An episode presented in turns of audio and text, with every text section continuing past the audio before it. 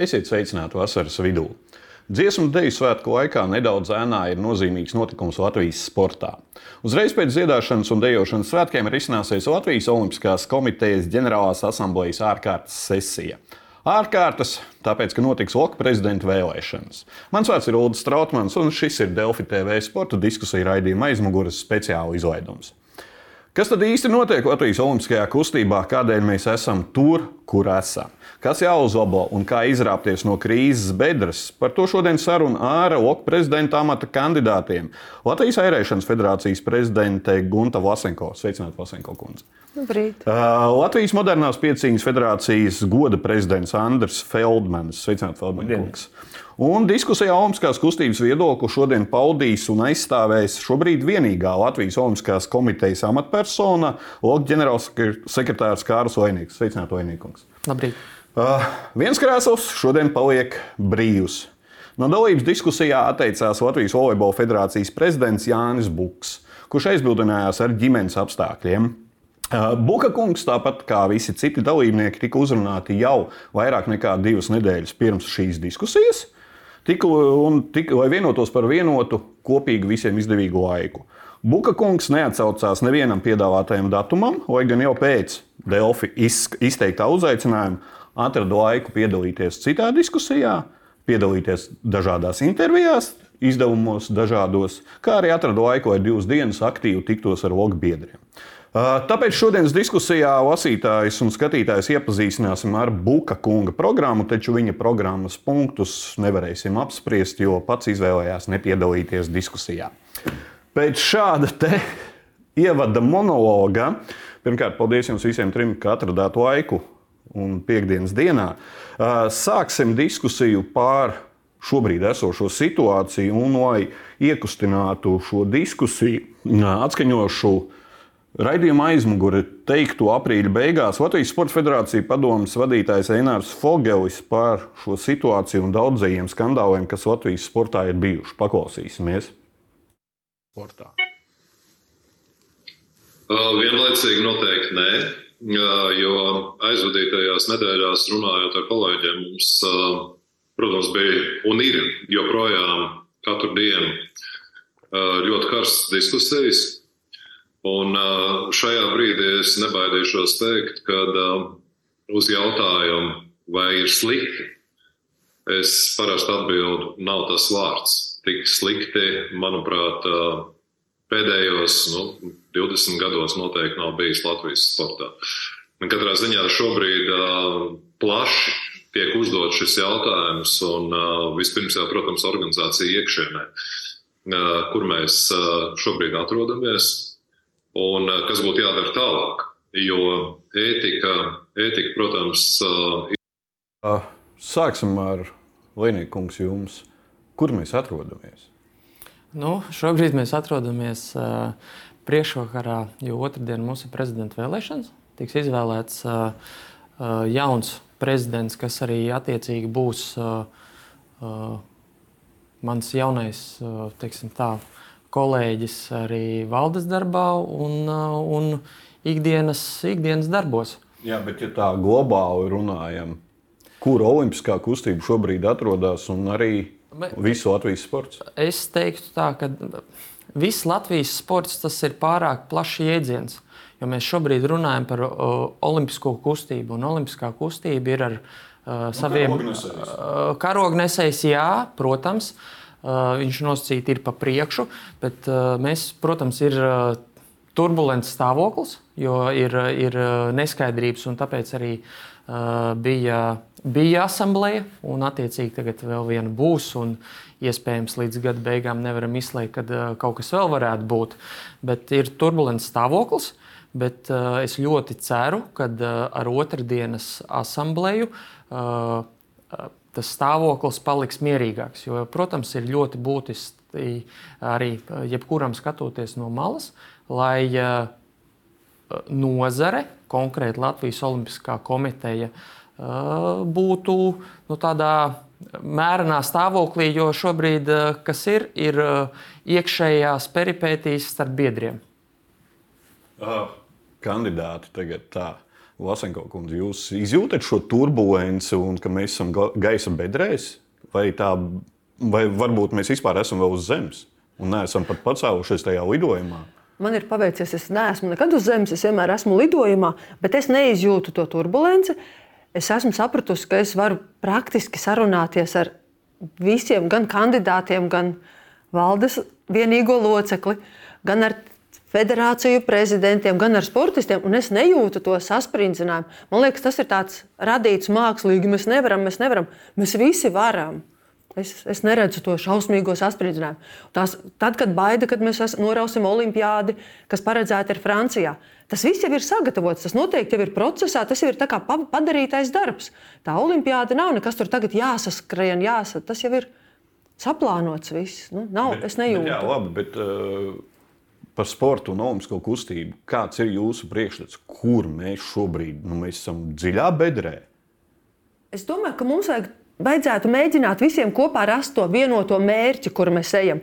Nevis katram raut savai federācijai, savam sporta veidam, bet atrast to vienoto kopīgo.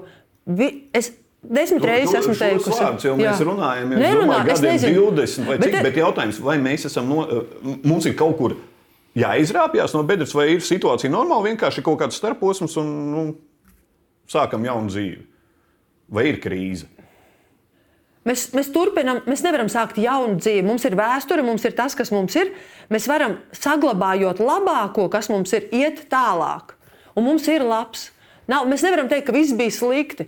Katrs cilvēks, kurš strādā federācijā, lokā 20, 30 gadus, tagad saka, ka viss ir slikti. Tas nozīmē, ka tu esi strādājis un darījis visu 20 gadus slikti.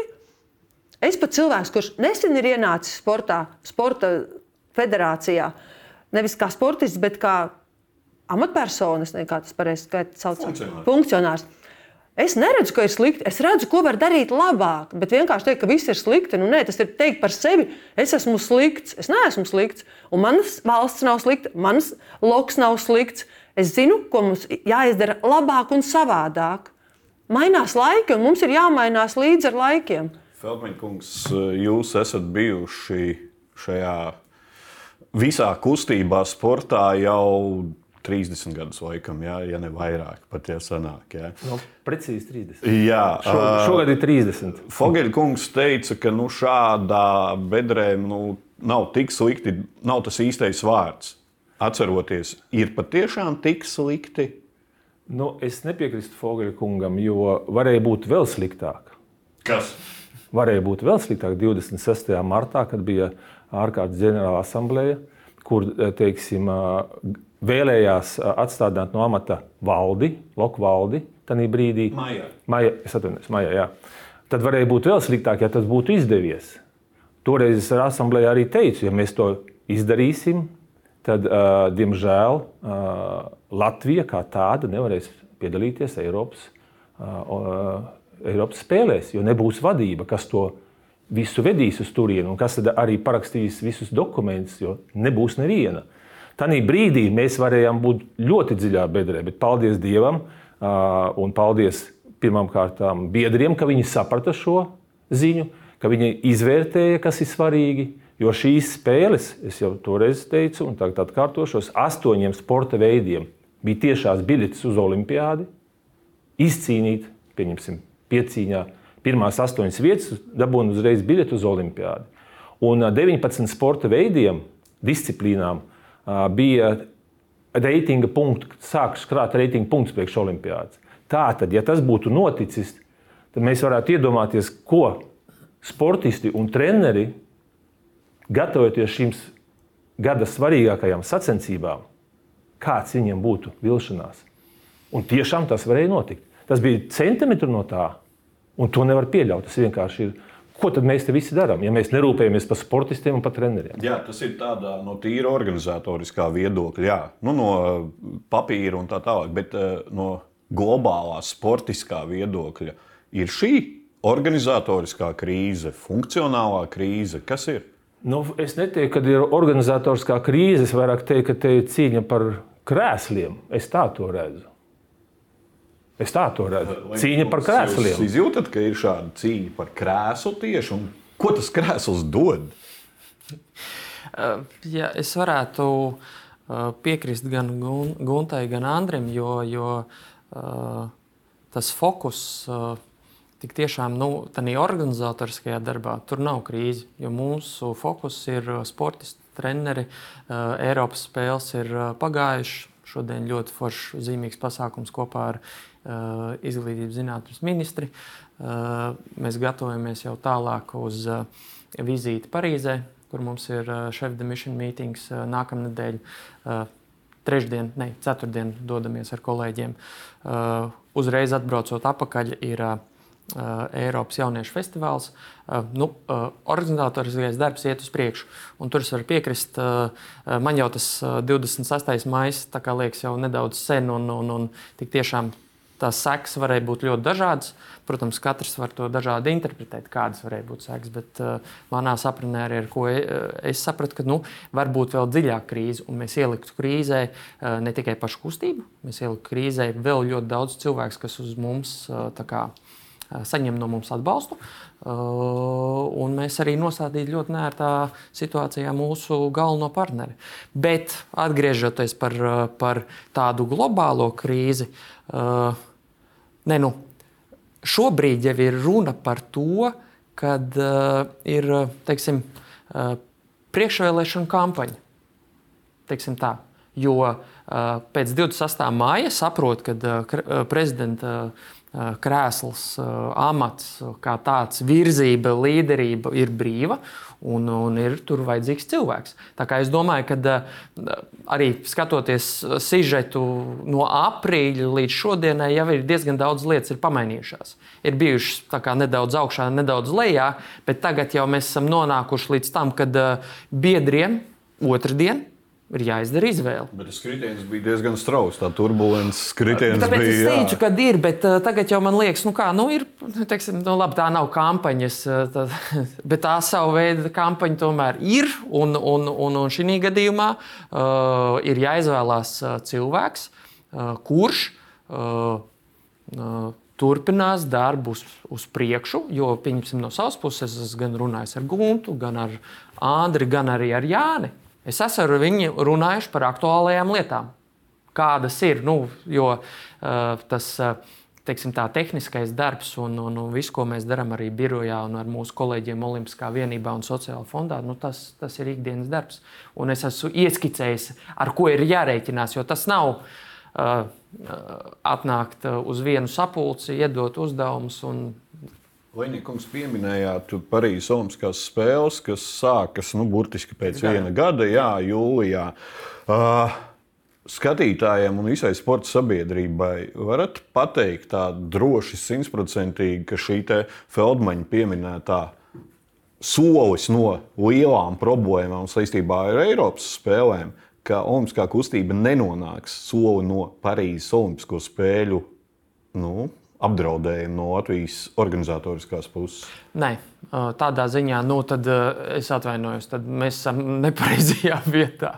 Nu, līdz tādam, tādam uh, absurdam, nu, to vienkārši nedrīkst pieļaut. Bet es domāju, ka šobrīd jau tā situācija, kas bija pirmā, ir nostabilizējusies, un es esmu pārliecināts, ka arī viņi neatkārtosies.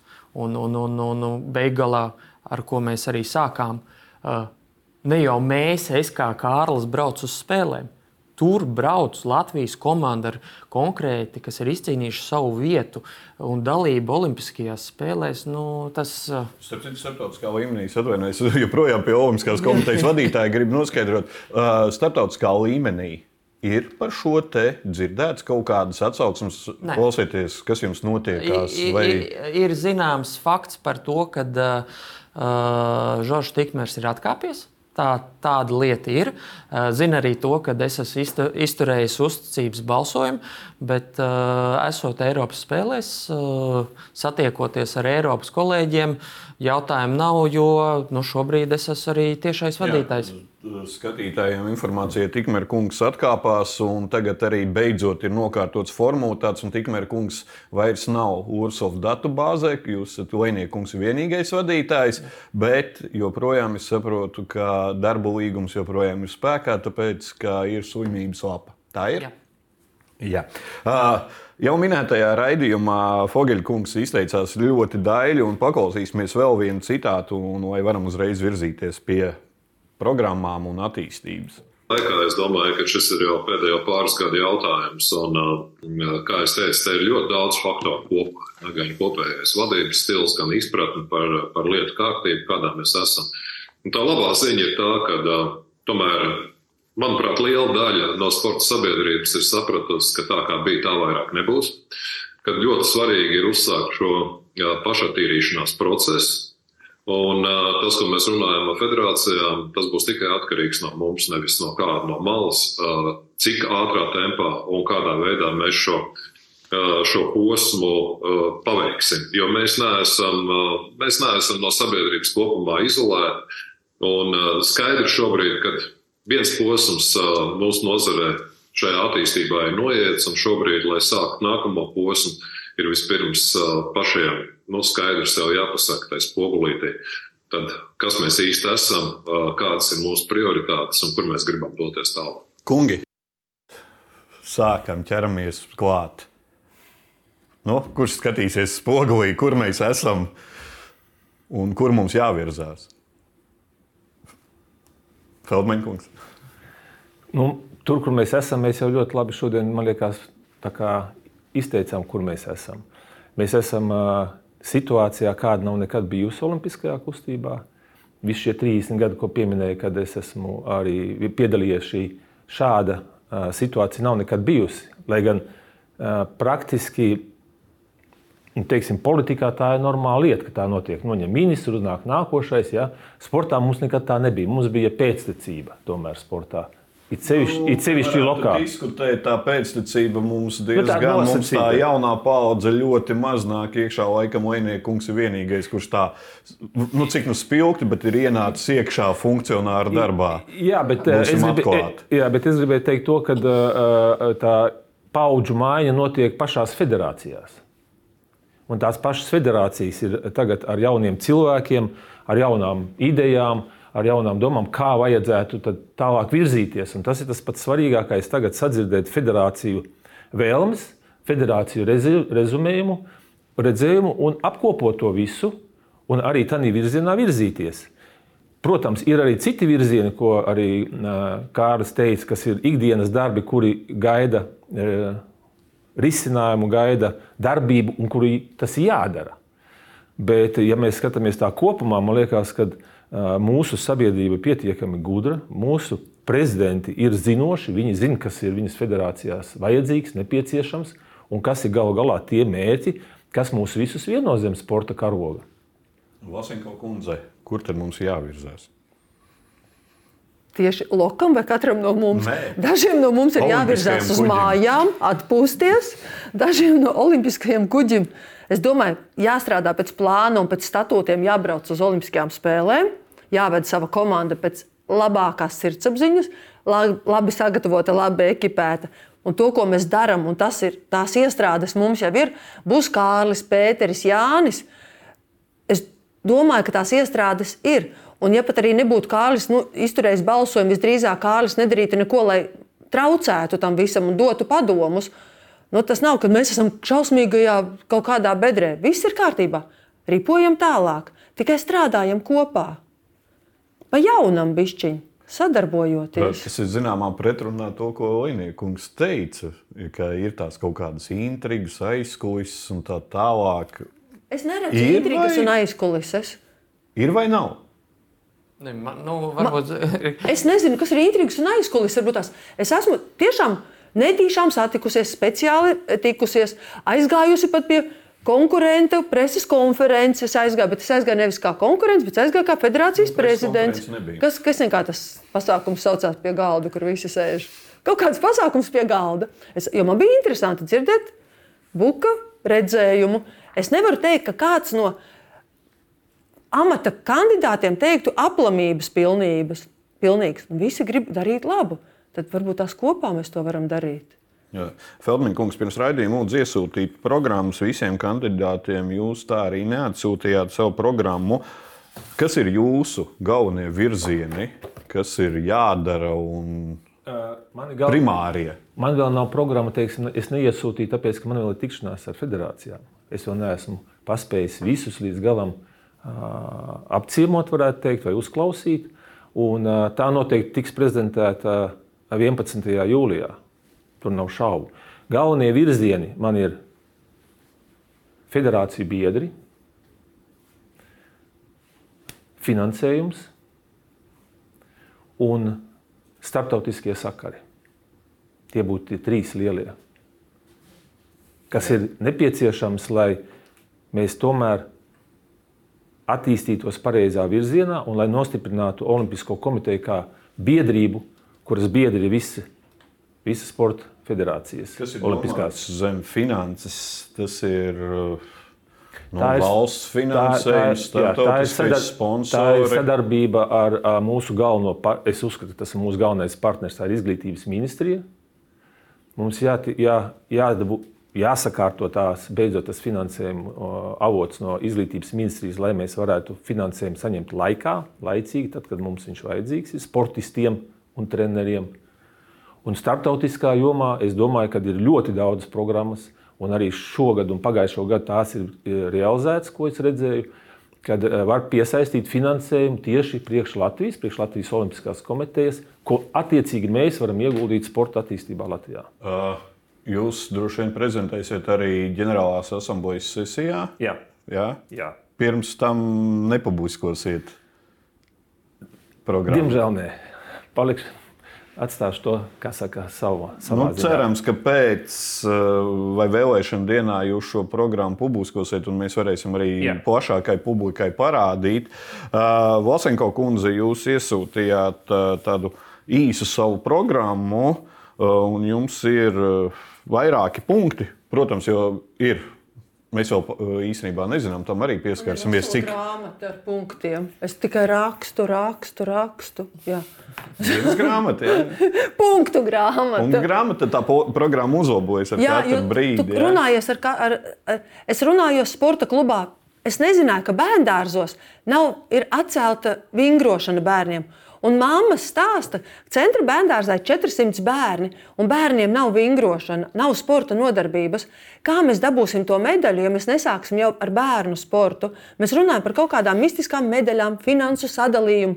Mēs nerunājam par to, ka mūsu, mums ir olimpiskie centri, kuros ir maksas pakalpojumi bērniem. Mēs nerunājam par to, ka mēs varētu piesaistīt, lai bērni bez maksas viņos sportotu un vecāki maksātu. Mēs neprotam nopelnīt tur, kur mums ir iespējas nopelnīt. Mēs, ne, ne, mēs negribam piesaistīt tos resursus, kas mums ir doti. Es nesaprotu, kāpēc ir visu laiku jāprasa, jālūdz, nevis pašam kaut kas jādara. Izrādām savu labo gribu, no- nopelnīt, piesaistīt sportistus, mediķus.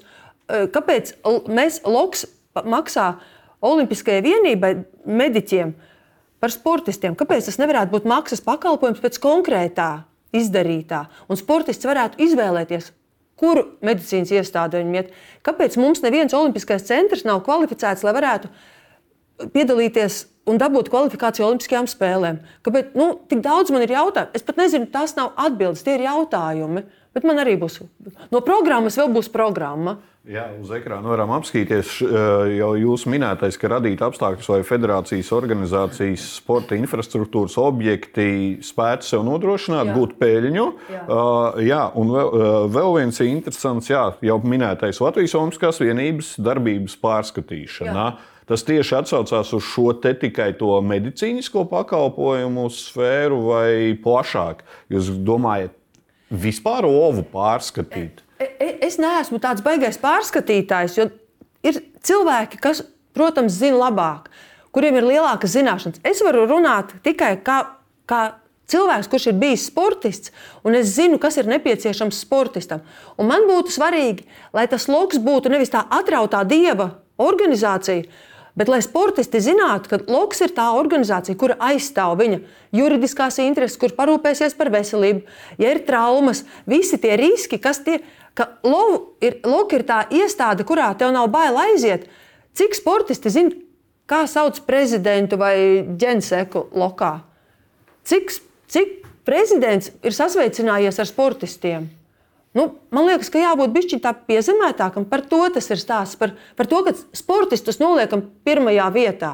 Rūpējamies par sportistiem, treneriem un tad tikai par to savu administrēšanu un dalīšanu par tiem krēsliem. viens punkts ir, jā, šeit ir Olimpiskos sporta centru audits, pielāgošana starptautiskiem kritērijiem, ko Jā. jūs minējāt par Jā. to, ka mums nav šie atkal atbilstoši, bet pelnīt. par to auditi jau tiek veikti katru gadu. Kā jau biznesa uzņēmumos, visi Ja olimpiskie esi centri valdē un ir. pats taisi au- auditu, es, Jūs es nezinu, es jau tikai auditiem. Es Vai jūs esat skatījusies, kas Es, jau- tur ir? es jau tikai jautāju. Es jau ne, es, man, man ir jautājumi tikai. Es gribu zināt, tas ir. Man ir jautājumi, kurus es gribētu zināt, un ir lietas, ko es gribētu mainīt. Bet jūs jau šiem jautājumiem arī Olimpiskās komitejas varat doties. Es arī došos, paņemšu mapes, pārskatīšu ar Kārli kopā. Pēc 11. datuma pastīsimies mapēs. Jā, un uz ekrāna. Reputācija. Man vienmēr interesē reputācija. Lai tu kādam kaut ko pateiktu, pajautātu vai palūgtu, ir jābūt tai reputācijai tomēr. Par reputāciju, un atklātību un visiem riskiem mēs pieskarsimies vēl raidījuma gaitā. Un tagad paskatīsimies uz ekrāna trešā kandidāta Jāņa Buka programmu, ko viņš atsūtīja un aicināja neapspriest, jo viņš nav klātienē. Tad respektēsim šo te vēlmi un lūgumu, un tikai nolasīšu šos galvenos punktus. Tātad sporta nozares mērķi ir atjaunot sabiedrības uzticēšanos, stiprinot sporta organizācijas reputāciju un veicinot konstruktīvu sadarbību ar esošiem potenciāliem sporta partneriem, veicināt vienotu prioritāšu izveidi sportā, palielināt valsts un privātā sektora investīcijas sporta nozarē, eh, izveidot saprotamu, caurspīdīgu, jēgpilnu un privāto visu finansējumu sadalu izlietošanu. Eh, Arī rīcības plāns ir 2023. 23. un 24. gadam. Tātad lokdarbības pārskatīšana, galvenais un pilnveidi nodrošinot labas pārvaldības principus, uzticības stiprināšana un vadošā partneru lomas atjaunošana, lokā vadošās sporta nozares organizācijas izveide un ikdienas darba nodrošināšana, olimpisko programmu īstenošana. Pēc raidījuma beigām publikācijā ievietosim Lasenko kundzes un Buka kunga šīs programmas. Diemžēl Feldmaņa kungs, jūsu programmu mēs nevarēsim ievietot, jo viņas nav pagaidām redzamas. ievietosim pēc tam. Ievietosim pēc tam. Vainiekungs, uh, tagad, kas ir izskanējis visapkārt un šajās programmās, ir lūk, darbība jāpārskata, ka kaut kas krasi jāmaina, ir tā uzticības krīze, sabiedrības acīs nav uzticība. Kāds ir jūsu skatījums uz šo dzirdēto? Jautājums sabiedrības acis, tas ir uh, biedri vai sabiedrība kā tāda. Bet nu, tas tāds retorisks lieta. Uh, pārskatīt uh, vienmēr var un visticamāk vajag. Es tieši to pašu izdarīju uh, pirms trījiem gadiem, uh, kad uh, 20. gadā man ievēlēja. Man arī šajā periodā domas ir mainījušās par, par konkrētajām lietām. Ja mēs pieskaramies Olimpiskajai vienībai, tur tā ir vieta, kur atlēts tiek aprūpēts un par viņu uh, nu, notestē, aprūpē, Apčubini. Nu, tā varētu teikt. Un, un, un, un to lietu uh, es varu var atzīties, ka uh, to lietu sākumā es arī domāju, ka nu, viņš ir jāpārskata. Bet uh, tad, kad tu iepazīsti cilvēku un komandu un tur aizbrauc uz lielajām spēlēm. Un tu ar viņiem komunicēji uh, ne tikai ar sportistiem, komunicēji ikdienā, uh, bet uh, komunicēji arī tiem speciālistiem, kas brauc līdz uz turnīriem. Viņi ir treniņu procesā iekšā. Viņus jau nevajag aizdzīt projām, viņi jau paliek. pabeidzot, tā ir mūsu kaut kāda tāda arī, varētu tā teikt, privātā partnerība ar valsti. Jo tur ir arī iekšā izglītības zinātnes ministrija, Olimpiskā komiteja. Un mērķis tam visam, un arī tas pamatmērķis mums ir pēc iespējas uh, labāk. uh, Pirmkārt, sagatavoties visiem Eiropas pasaules čempionātiem, kas ir daļa no kvalifikācijas Olimpiskajām spēlēm un Olimpiskās spēles. Tā kā uh, mūsu gadījumā, ja mēs skatāmies uz sportistu kā tādu un treneriem, tad tā Olimpiskā vienība ir tā tāds orbīts. Kā starptautiskā arēnā mēs izskatāmies ar šo olimpisko vienību uz citu fona? Esat bijis tagad jau jā. cik senāk Olimpiskajās spēlēs, trijās vai Nē, divās. divās, divās divās. Kā ir? Citiem Dažādas, ir šādas. Te, kāda ir situācija? Situācija ir, ir, ir, ir dažāda. Teikšu atklāti, pagājušajā gadā mēs bijām ar kolēģiem Francijā. Viņiem ir savādāk. Nu, katrai valstī tā struktūra ir savādāka. Bet uh, princips līdzīgs. Viņiem, uh, ko mēs saprotam, high performance sports, uh, viņiem ir konkrētā vietā, konkrēti sporta veidi. Nav visi sporta veidi, ir konkrēti sporta veidi, un viņi arī uz to strādā. Jo, pieņemsim, lielākiem sporta veidiem ir pilnīgi atsevišķi - futbols, regbijs. Uh, uh, volejbols, pieņemsim, basketbols, viņiem tur ir iekšā. Kā tie ir dažādi modeļi, Uh, bet uh, Igauniem lietuviešiem, pieņemsim, nav. Viņi uz to skatās, uz mums, kā uz mūsu vienu no tādām vērtībām. Un es jau esmu. Kaut kur mēs esam viņiem priekšā. Es neteiktu, ka priekšā katram ir savu. Nu, sa, ir izstrādājies vēsturiski, katram ir savs modelis. Vienkārši mūsu gadījumā es uh, strā, turpinātu strādāt uz to, uz stri, stiprajām lietām. Protams, arī mūsu. Uh, mūsu teiksim, atbalsta sistēma ir pamainījusies. Viņi var, protams, vienmēr visu var pārskatīt, bet es būtu par to, ka šīs spēcīgās lietas, kas ir, kā pieņemsim, Olimpiskā vienība, uh, viņas ir ļoti konkrēti. Nu, tā ir mūsu tā, kas ir tiešā saistība ar sportu. Uh, tas ir pabeidzot Olimpisko vienību. Uh, turpinot par Olimpiskajiem centriem. Nu, Tur ir jautājums vispār, kā viņi ir vēsturiski veidojušies. Es arī neesmu bijis tajā periodā, un tur ir pilnīgi citiem kolēģiem jāprasa, kā tas vispār veidojās. Nu, tad, pēc tam, jā, nu, jā uh, bet uh, kā es to redzu, šobrīd uh, šie centri ir. Viņi ir ļoti vēr, liela vērtība katrā pilsētā, kur ir šie olimpiskie centri, bet kur arī iesaistīts pašvaldības, izņemot Rīgas Olimpisko centru. Bet viņi pilda ļoti lielu sociālās funkcijas sadaļu.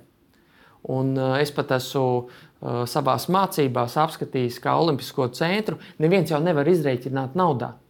Jo tas centrs, protams, viņam ir jābūt. Uh, Jā, tur uh, es varu piekrist šo sociālo uh, funkciju, bet uh, viņam, viņam jābūt... jau nosaukums ir olimpiskais. Un tas īstenībā neiet kopā ar šo Vasenko kundzes pieminēto, ka ir it kā olimpiskais, bet mēs tur neko olimpisku nevaram izdarīt. Ne, tā es neteiktu reģionos un tāpatās.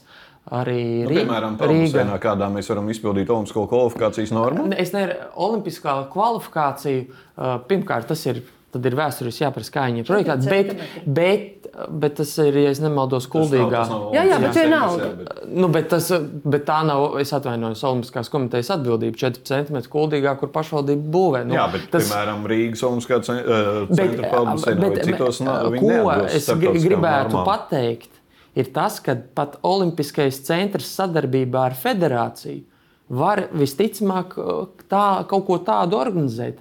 Jo uh, nu, Olimpiskā komiteja uh, neiejauksies katra sporta veida federācijas uh, pasākumu uh, plānošanā vai pieteikšanās. Nu, tas arī es negribētu nu, dalīsim lietas nu, tā, pa atsevišķiem groziem, jo to nevar, jo sajaucot to visu kopā, tad jau ir jautājums, nu, visi par visu Kad atbild, neviens neatbild ne par ko. Man patīk konkrētība. Ja mēs runājam par Olimpiskiem centriem, viņi veic sociālo funkciju, viņi ir kopā ar pašvaldībām, kas to ļoti novērtē, kad ir viņi arī apaudzē. Plus, protams, tas katra, katra sijā būtība ir tas, ka viens ir gūt peļņu, bet otrs, viņ, ka tu viņu spēj uzturēt, viņš tev, viņš tev ir funkcionējošs. Un tas ir būtiski. Feldmankungs, par Olimpiskiem centriem jūs laikam esat visilgāk saprotošais tā vajadzētu būt. Visvairāk zinošais. Visvairāk zinošais, jā. Uh, ir tāda problēma ar šiem olimpiskiem centriem. Tur arī kaut kas ir jāpārskata. Uh, varbūt es pavērt, varbūt, varbūt to ieskatu, kā, kā ir veidojis. Jā, varbūt es sākšu no, no, no tā paša sākuma. Skatītājiem, jā, joprojām valsts budžetā mums ir nauda, nezinu, cik vēl gadus, kopš mēs maksāsim vēl kredītus.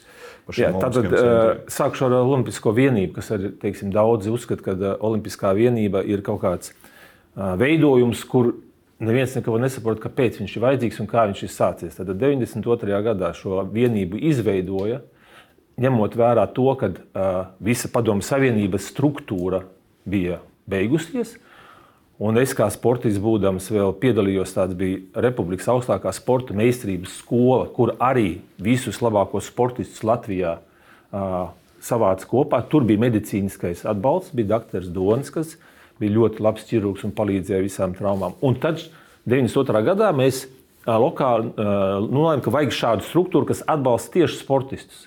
Jo nebija kur sportistiem aiziet un kur uh, uh, uh, savas traumas, kur dabūt atbalstu un tā tālāk. Ņemot vērā šo situāciju, kad 90. gadu sākumā mēs paskatījāmies uz infrastruktūru, sporta infrastruktūru Latvijā, nu, varētu teikt, viņa bija uz tādas sabrukuma robežas. Visa infrastruktūra, gan Rīgas sporta manēža, gan Daugavas stadions. Un nerunājot nemaz tādīs. Nu, Rīgas sporta manēža joprojām ir vienīgā joprojām... vieglotietu māja pagaidām. Ceļās. Bet ceļās, jā, jā, jā, jā. Nu, Liepā jau atrisināja to lietu, jā, teiksim, tādā ziņā. Un arī Valdīgā. kuldīgā, un arī kuldīgā ir kur trenēties. Bet tajā laikā bija tukšums, nebija kur vienkārši trenēties sportistiem. Tāpēc tika uh, dabūts ļoti, uh, es uzskatu, pareizs lēmums kopā ar valdību būvēt šos olimpiskos centrus, bet vairāk treniņu vajadzībām. Jo, ja viņus visus celtu pēc starptautiskām normatīviem, kas vajadzīgi starptautiskām federācijām, tad tas cipars maksātu mēs vēl 20 gadus. Jo tur ir noteikumi. Tur jābūt tribīnēm tik lielām, tur jābūt zālēm, tur jābūt ģērbtuvēm. Un tad tā māja būtu nu, divreiz lielāka. Tāpēc pieņemts bija lēmums, ka mums vajag, kur mēs varam trenēties paši savā mājās.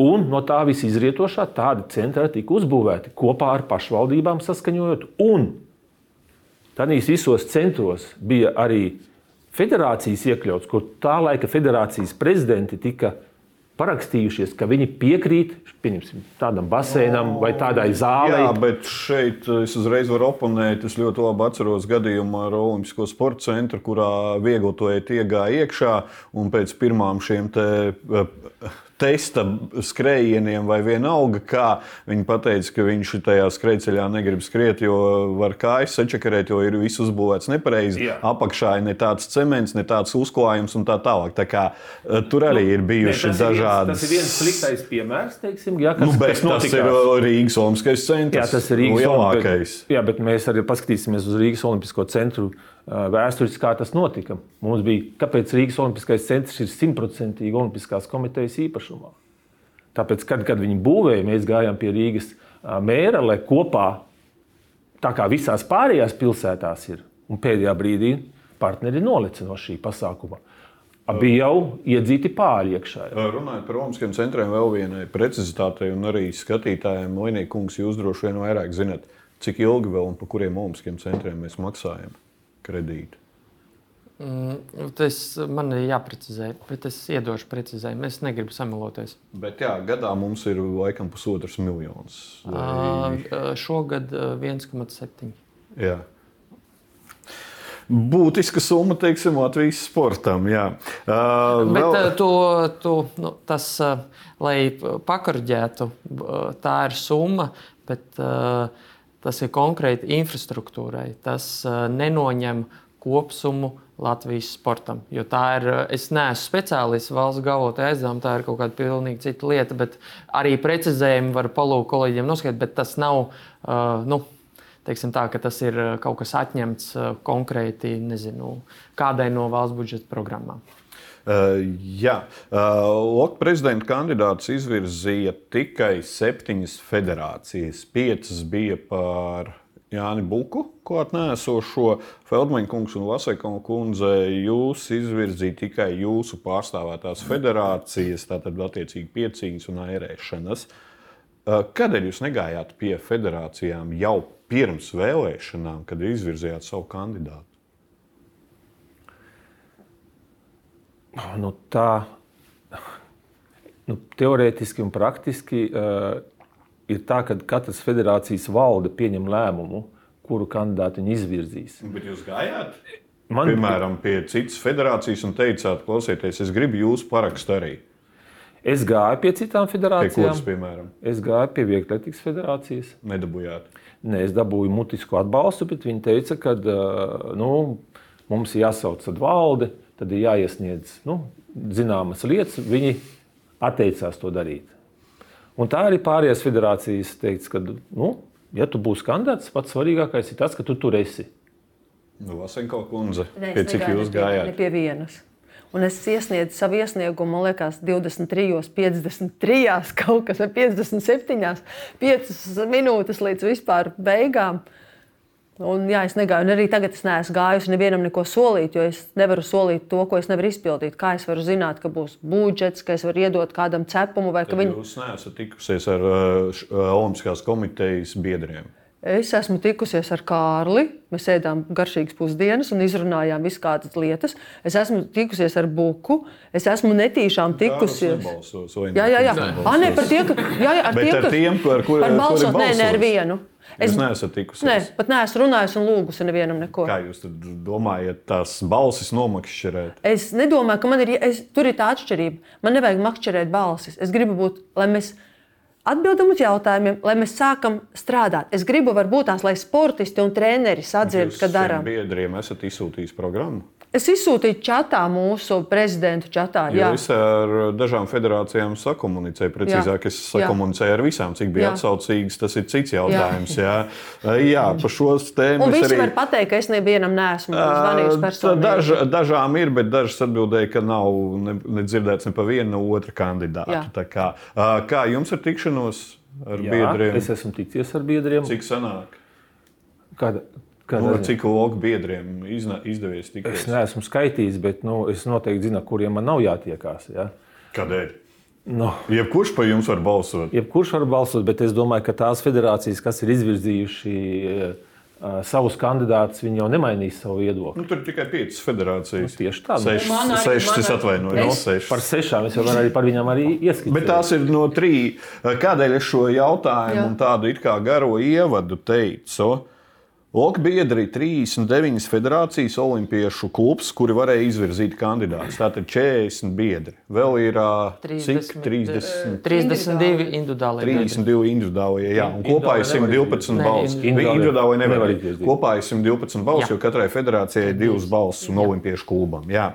Uh, bet sanāk tikai tā, ka OKA prezidenta kandidāts ir izvirzījušas tikai nu, nedaudz virs 10% no, no tiem, kas drīkstēja izvirzīt biedri.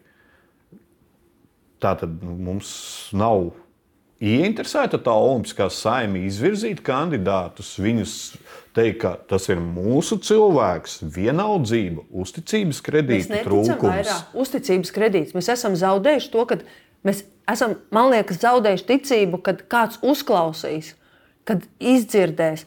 Jo par, es neteikšu par Kārlu, un es, es esmu dzirdējis par Loku. Tas nav tieši kā par, Kārlu, par to, lo, ka Loks esot kaut kas tāds pats kā federācijas priekšsportistiem. Viņi jau mūs nedzirdēs, viņiem nebūs interesanti. Un man trēn, man, manā federācijā treneris saka, viņš saka, Gunta, pirmās sapulces, un mums nav bail kaut ko teikt federācijas prezidentam. Un man ir, es esmu dzirdējis tās, mums ir bail kaut ko lokam lūgt, kaut ko jautāt. Tā, tā ticība, ka tu Jūs vairs. runājat par ticību un uh, uzticēšanos, atveram vaļā Latvijas airēšanas federācijas mājaslapu. Ir astoņas valdes uh, locekļu vietas, Jā. aizpildītas ir četras. Jā. Ups! Nav ups, to vispār uzticību? Tas nav par Ka četras uzticību. no astoņām vietām Es tikai sa- es aizpildītas. samazinātu vēl uz pusi. Tad jau nav Bet- darboties spējīga Jā, organizācija. jā, bet ir statūti, iespēja statūtus mainīt.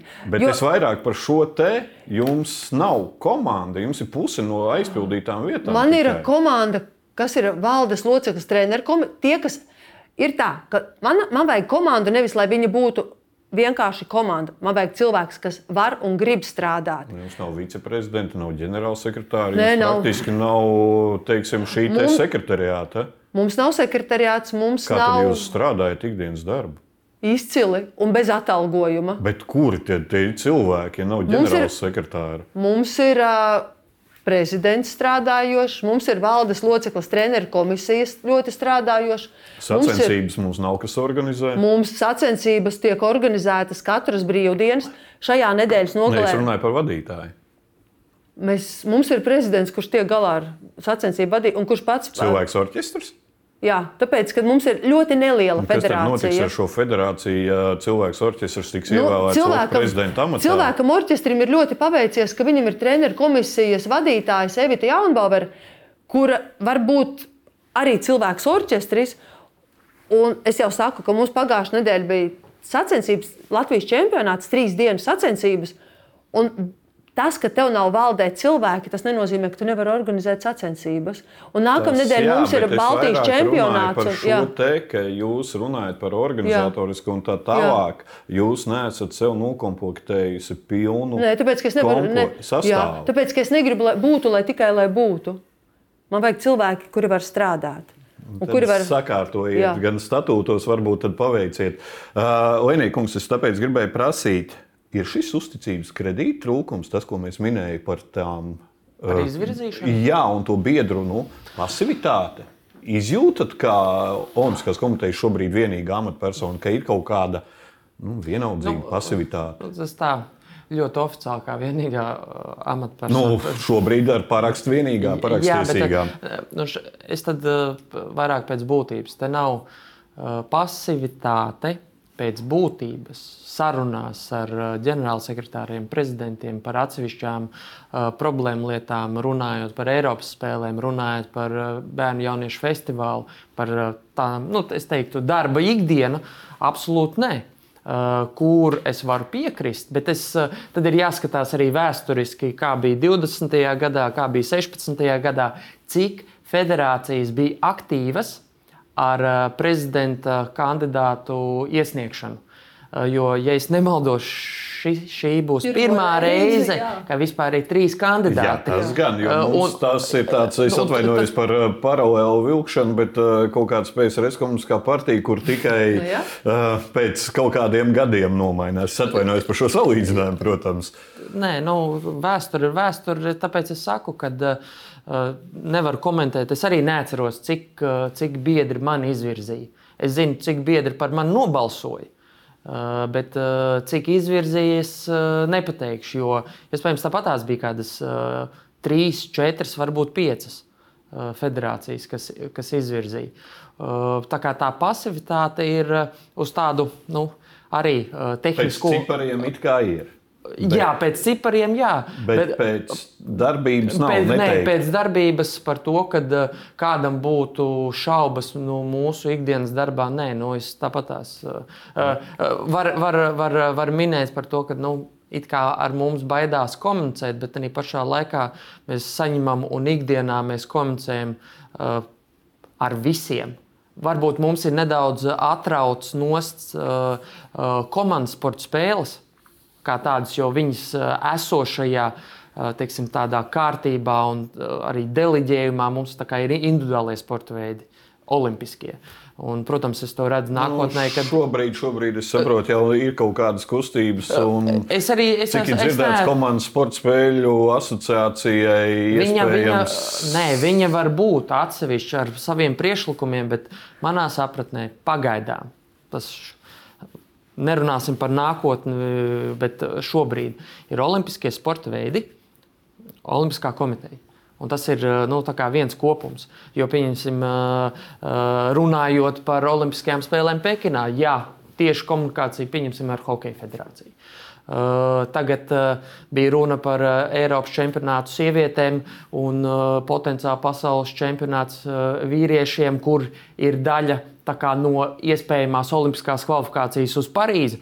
Hops, mums ir kontakts. Basketbolā, Uh, nu, jā. jā, basketbolā. Nu, tā kā, uh, no tādām lietām uh, nu, es viņus bišķiņu Teiksim, tā, vajadz, vajadzīg, nedaudz, vajadzīgā brīdī, uh, kad skar olimpisko kustību, tad jūs pieslēdzaties un normāls kontakts. Nē, kontakts man ir pēc būtības, un ir labs kontakts.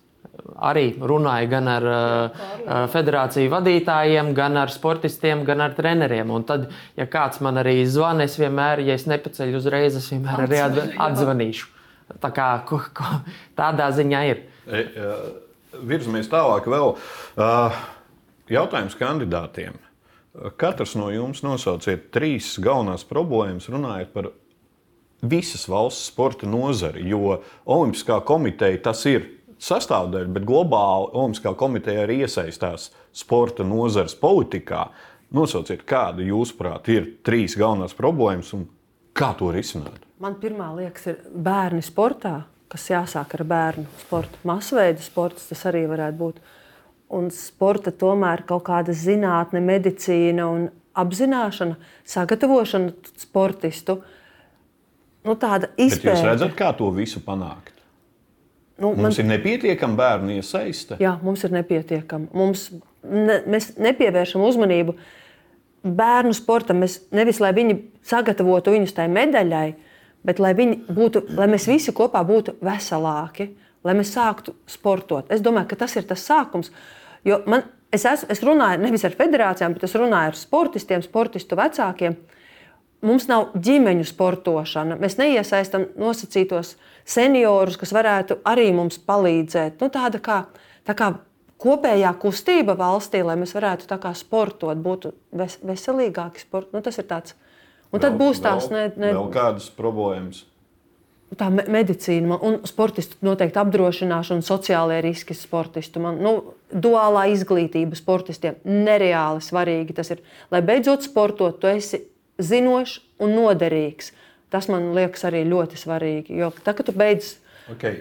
masveidu sports, bērnu sports, duālā sportistu sagatavošana, veselība, sociālie. Okay. Nu, Felmenkungs, jūs uzskatāt, kādas ir šīs trīs galvenās problēmas vispār globāli sportā Latvijas un ko jūs redzat, kas ir jārisina? Nu, globāli pirmais, man liekas, būtu tas ir jaunatnes, jaunatnes un, un, un bērnu sports. Un, un, iesaistīšanu viņu sporta aktivitātēs.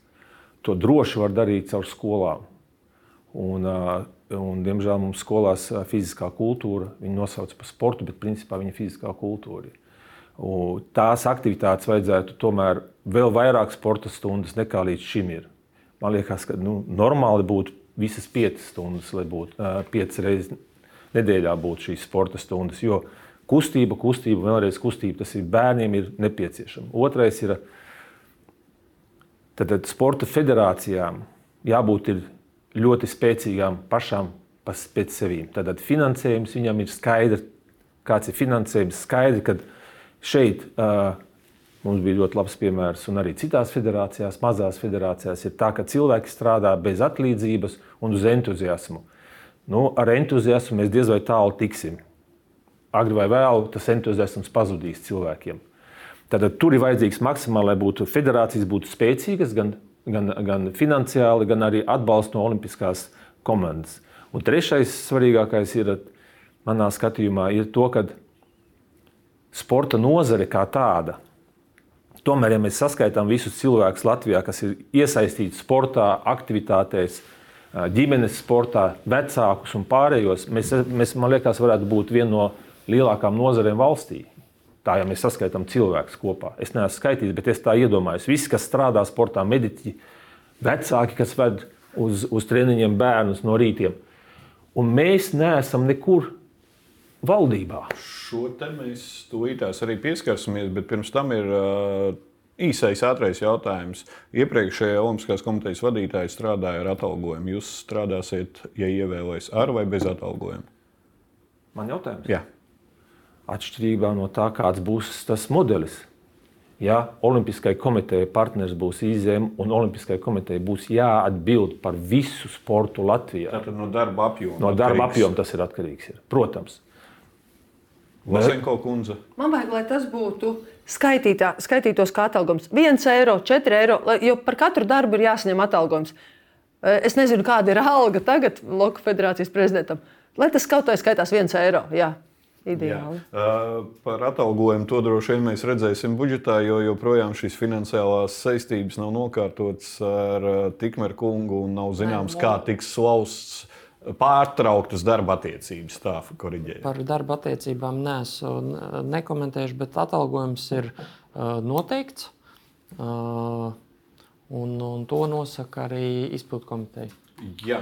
Uh, pieminējāt šo problēmu, un viens no punktiem ir, ko es jums pirms raidījuma nosūtīju. Tā tad sporta politika kā tāda, sporta likums un Olimpiskās komitejas statūti. Iesim šo punktu vienādi kopā, uh, Lenīkungs. Cik jūs zināt, kas ir ar sporta likumu? Ir atvērts, sākas runāšanas, jūs esat iesaistīts kā Olimpiskā komiteja. Uh, nu, šobrīd uh, vispirms, lai uh, šis jautājums tiktu virzīts uz priekšu, uh, Nepateikšu, ir noslēdzies, nav noslēdzies par sporta departamentu vadītāju. Tā no, joprojām ir atkārtot izsūtīts, izsludināts jā. konkurss. Ir, jā, bet es, iespējams, tūlītās viņš arī izsludināts un, un, un darbs pie tā notiek.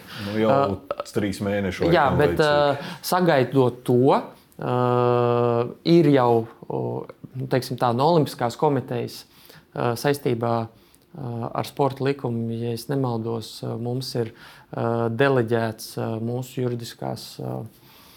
juridiskais vadītājs kopā ar mani.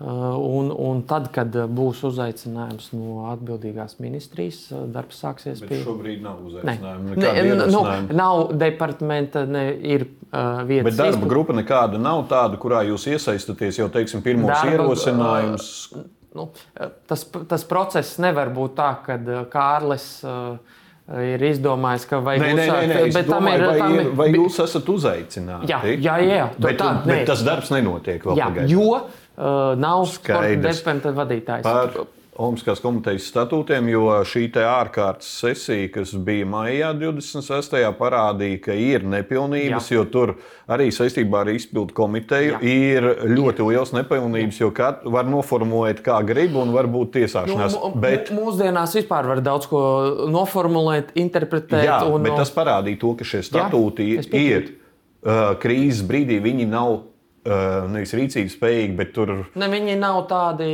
Uh, nebija, teiksim tā, nebija gatavi krīzes brīdim. Statūti. E, ir doma Protams. pārskatīt Protams. un uz nākamo gadu. Uh, tur ir, uh, sāksim ar to.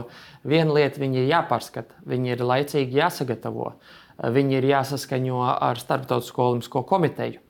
Un tad potenciāli viņi nākamā gada vai nu tā ir kārtējā kā, asamblējā vai nu, tehniski tur var skatīties. Protams, viņi ir jāgroza arī par, eh, par, par eh, mani pašam ir dažādas idejas par to, kā, kāda viņi varētu izskatīties. Paklausīsimies Vasenko kundzei.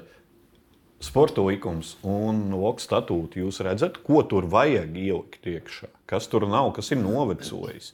Jo nu, sporta likums ir jau ar pamatīgu bārdu, un statūti, jā, un statūti arī ir ar pamatīgu bārdu mums bija, es biju pie tā apaļā kvadrātainā galda. Ar, mēs visi tur bijām netīšām tādā bukas, buka rīkotajā pasākumā. Un visi runāja par to, ka tie statūti ir jāmaina. Un tas ir tā, ka tas virmo gaisā, kad visas daudzas federācijas saprot, ka statūti ir jāmaina. Nu, bet bet arī... Jūs dzirdējāt, kas Man liekas, katrs tā par, par vairāk par tā kā. Tur ir jāskatās tā, tu, tur jau līdzīgi, jā. teiksim tā, Olimpiskās komitejas, es atvainojos, piejaucos, Olimpiskās komitejas statūti, labi, tas nav nekādā gadījumā salīdzināms ar sporta likumu, jā. ir jāuzstājas tad, kad ir, ir prezidents Olimpiskās komitejas, ir pilna izpildu komiteja, tiek izveidota tik tiešām no speciālistiem, darba no juris grupa, jā, darba jo. grupa, kas mm -hmm. iet katram punktam cauri. Protams, Olimpiskā komiteja kā oficiāls visu nodrošina, lai process iet uz priekšu, un tur ar dažādiem, eh, nu, ar aktualitātēm, ņemot vērā, protams, arī IOC statūtus. Mēs nevaram tā izraut no konteksta. Vienkārši, mēs tagad jā. Eh, darīsim, kā mēs gribam. Jā, jā nu, eh, tas ir rūpīgi, bet atkal tā jau ir kaut kāda tā lieta, aktualitāte, kas ir jāskatās uh, uh, pilnā sastāvā. Un, viņš, un statūti ir. Uh, tas ir tā kā, tā kā pilsētas, nekad nav pabeigts. Jo statūti. Tā kā tā uh, mana kladīte. nu, vai... Kur visu laiku papildinās? Ko jūs redzat? Sporta likums, statūti. Nu, noteikti, ka sporta likums, man liekas, ka sporta likumu var attaisīt vaļā, un tad tur var tikai iesniegt uh, priekšlikumus un ko vajag mainīt. Likumus vienmēr maina. Mēs redzam, ka likumi ir jāmaina, jo arī dzīve mainās un arī visas situācijas mainās. Tas pats, kas ir, pieņemsim, Covid bija un tā tālāk, un tā tālāk. Mēs tādas lietas neesam piedzīvojuši. Arī mēs tagad piedzīvojam nevajadzīgas lietas, kas skaitās ar Ukrajinu. Ja? Attiecīgi par statūtiem, jā, ir statūti jā, jāpapildina. Ne jau viss tur ir slikti, visi, bet jāpapildina, jo šāda situācija priekš Olimpiskās komitejas ir pirmo reizi. Un viņa tad, tad, tad, kad pirmo reizi notiek šāda situācija, tad mēs arī redzam, kuras tās vājās vietas ir. Un paskatoties statūtos, es varu teikt, ka viena no vājām vietām, kas nav pieņemama, nu, teiksim, man personīgi liekas, ka tas nav pieņemami, pieņemsim, kā var atstādināt prezidentu un ģenerālu sekretāru. Ok, var, 10% eh, no vēlētājiem var uzrakstīt iesniegumu, kad jāatstādina, sasauc asambleju. Ja šiem cilvēkiem nepatīk, kā tas ir noticis, viņi pēc tam iesniedz vēlreiz, un tā var arī katru mēnesi Var, nu, viena federācija tas sasauc pirms jā. vairākiem gadiem. Ka, katru mēnesi var teiksim, sasaukt ģenerālo asambleju. Es ļoti atvainojos, tas maksā naudu tomēr Olimpiskajai komitejai, lai nodrošinātu zāli un vispārējo. Un mēs tērēsim naudu par ko? Tad šeit ir jāskatās to, ja sasauc un iztur uh, balsojumu, tad pieņemsim gadu vai kaut kādu laiku, vairs to nedrīkst darīt. Un tas ir jāieraksta statūtos, man liekas. Nu, un statūtos arī, ja nemaldos, nav ierakstīti šie atstādināšanas gadījumi, kādā tikmēr kungs tika atstādināts par ētikas pārkāpumiem un tā tālāk. Tāpēc es saku, ir daudz atstādinājumu. Nu, jā, bet nu, izvirzīts jau bija atstādināt. Ir daudz lietas, kas ir jāpapildina, jo ir mainījušās dzīve. Jā, dzīve un tas nu, arī tā, tā, viss, kas ir noticis pēdējā laikā, nu, ir tas. Kad ir dokuments vai jebkurš lieta, nu, ir pārbauda, kā te, tests, nu, tā, to, to stresa situāciju nosacīti parādīja, kur arī ir kaut kādas lietas un kur ir nepilnības. Uh, jā, pieminējāt Feldmaņa kungs Ukraiņas gadījumu. Uh, Latvijas Olimpiskā komiteja ir viena no tām, nevis viena, es pat teiktu, ka pirmā un galvenā viena no Lat Eiropas Olimpiskām komitejām, kura uzreiz strikti nostājās un dabūja uh, Lēniekungs un Tikmēra kungs dabūja brāzienus no starptautiskās arēnas, ja, un pat relīzēs bijām pieminēti, ka Baltijas valsts atļaujās dumpoties un rādīt ar pirkstu lielajiem brāļiem, kā vajag rīkoties. Bet šis stingrais mugurkauls tika turēts līdz pat maijam, kad Tikmēr kungs atkāpās un šobrīd Nē, vēl joprojām tiek, tiek turēts. turēts. Jā, es atvainojos, jā, tiek turēts. Tāpēc ir jautājums jums abiem kandidātiem. Kā jūsu vadītās organizācijas šajā jautājumā darbojas praktiski cīņā ar to, lai nepieļautu agresoru dalību sacensībās? Feldnieks. Es varu teikt, ka mēs esam nu, modernā pieciņa šajā gadījumā. Ir viena no uh, aktīvākajām federācijām, bija, kas uh, norēģēja uz šo karu, Mēs atradām domu biedrus mūsu kaimiņus, tā skaitā arī visu Baltijas valstu kaimiņus, Ukraiņu pašus, Ukraiņus, Poliju, un mēs rakstījām vēstules un sūtījām Startautisko federāciju, lai nekavējoties atstādinātu cilvēkus no, ir Executive Board members, Startautiskās federācijas izpildu komitejas locekļus, kuriem ir Krievijas pilsonība. Uz ko Kamēr notiek karš, kamēr notiek karš, mēs tā rakstījām, lai viņi uh, ekskluzīvi vārds uh, atstādina šos cilvēkus. Uz ko mēs saņēmām uh, atbildi, kad mēs to pagaidīsim, pagaidām nedarīsim. Tika bija balsojums starptautiskā uh, komitejā, uh, federācijā, un šos cilvēkus neatstādina vēl līdz šo baltai dienai. Es varu teikt, ka mēs tāpatās rīkojamies arī sakarā ar to, ka es esmu Eiropas konfederācijas viceprezidents. Un mūsu prezidents ir Krievijas pilsonis. Jā, varam Mēs... paskatīties uz ekrāna. Jā, Tatjana Arbuģieva. Jā, Tatjana Ardābieva. Ar, ar, ar, ar Dābieva. Viņa ir Krievijas pilsone. Mēs Eiropas iekšienē sazinājāmies mūsu biedri un arī to pašu lūdzām Tatjanai atkāpties no amata. Taču mēs saskaitījām, cik ir mūsu biedri, teiksim, kas būtu par to. Un, diemžēl Eiropā, lai cik tas nebūtu jocīgi, Mēs bijām mazākumā. Bet jūs pieņemat šos spēles noteikumus un strādājat. Plecs pie pleca. Jūs uh, ikdienā, nevis ikdienā, bet jūs esat saziņā, jo lēmumus jūs nepieņemat bez prezidents uh, ziņas. Uz šo brīdi es varu pateikt, ka mums jau ir kādu gandrīz jau gadu, gadu atpakaļ. Mēs, mums ar, tā kā es esmu pirmais viceprezidents, mums ar šo Tatjana Dabjevu ir mutiska vienošanās, ka viņa nepārstāvēs uh, Eiropas federāciju nevienā pasākumā. Un kad visur būšu, es tieši tāpēc es arī braucu uz, uz Krakovu, kur es pārstāvēju šo Eiropas Jā, federāciju. par ikdienas darbu. Jūs taču Ikdienas darbus- ikdienas darbu sazināties ar viņu, un jūs strādājat ar ag- agresoru pārstāvu plecs pie pleca. Es ar viņu nesazinos katru dienu. Es, Ne, sazinos, labi, es, es dienu, sazinos bet- vairāk ar Starptautisko federāciju, kuram man saka, kā Eiropā un, un ko darīt un kā darīt. Es viņai neatskaitos nekādā ziņā. Kad jūs pēdējo reizi komunicējāt? Kad divi mēneši atpakaļ. Bet toties, tomēr uzturat kontaktus un sazināties. E, divi mēneši atpakaļ. Ne, es uzturu kontaktus ne jau tāpēc, ka es viņai stāstu, kas mums notiekās. Es, es viņai zvanu, kad tieši pirms uh, Eiropas Olimpiskām spēlēm, jo tur bija nianses, kuras viņa bija iesākusi. Jo šoreiz pieciņa bija pirmo reizi uh, uh, Eiropas spēlēs, un viņa to uh, sākumā bija darījusi. Man vajadzēja informāciju no viņa. Kā lai es bez informācijas ar, ar poļu organizatoriem Jā, bet gada laikā jūs joprojām uzskatāt, strādāt plecu pie pleca ar agresoru pārstāvu. Nu, kā, nu, viņi ir prezidenti joprojām. Nu, viņu nevar noņemt.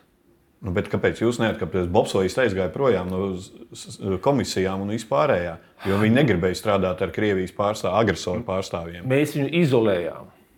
Mēs viņu izolējām no darba Eiropas konfederācijā. Un kā jūs tagad iedomājaties, jūs tagad sāksiet vadīt Latvijas Olimpisko komiteju?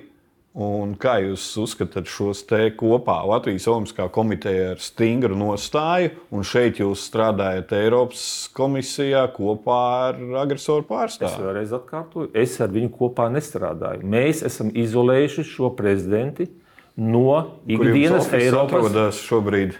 bet viņa arī strādā. Viņa ir uh, Startautiskā federācijā board members, un viņu no turienes neatstādina. un Mēs nevaram to Jā, panākt. bet kur ir Eiropas pieciņas federācijas oficiāls joprojām šis te, ko mēs uz ekrāna varam apskatīties? Nu, tur viņi nav mainījuši to adresi, protams, bet viss e-pasta un viss nāk pie maniem. Um, Un par agresoriem. Uh, Es neatbalstu karu, es atbalstu Ukraiņus. Es esmu ziedojis pietiekami daudz arī no sevīm līdzekļus. Es esmu noziedojis automašīnu, džipu priekš karavīriem. Un man ir fotografija, es varu parādīt, kur karavīri ir atsūtījuši man un pateikušies par manu ieguldījumu karā. Tā kā ir lietas, kuras varbūt vizuāli izskatās, bet, Jūs aiziesiet bet no Eiropas pieciņas federācijas, ja jūs ievēlēsiet? jā, protams.